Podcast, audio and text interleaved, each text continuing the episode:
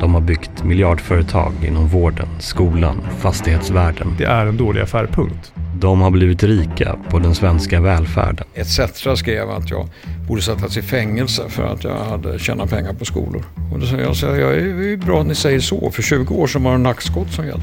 I en ny poddserie från Dagens Nyheter följer jag, Björn af Kleen, svenska välfärdsmiljardärer. Det är spännande att landa i att man skor sig på välfärden och det är enkelt att ta till sig. Och, och den ligger också svensken väldigt nära. Att det, det, det känns jobbigt för att vi är så otroligt stolta över det välfärdssystem vi har och vi ska vara I det. den här valrörelsen står deras vinster på spel. Det är som när man spelar Monopol med barnen. Liksom. Om du privatiserar ägandet av byggnaderna, då förlorar man ju den kontrollen för alltid. Vad blir konsekvenserna när det som nyss var allas hamnar i privata händer? Vad vill du ha för svar, Björn?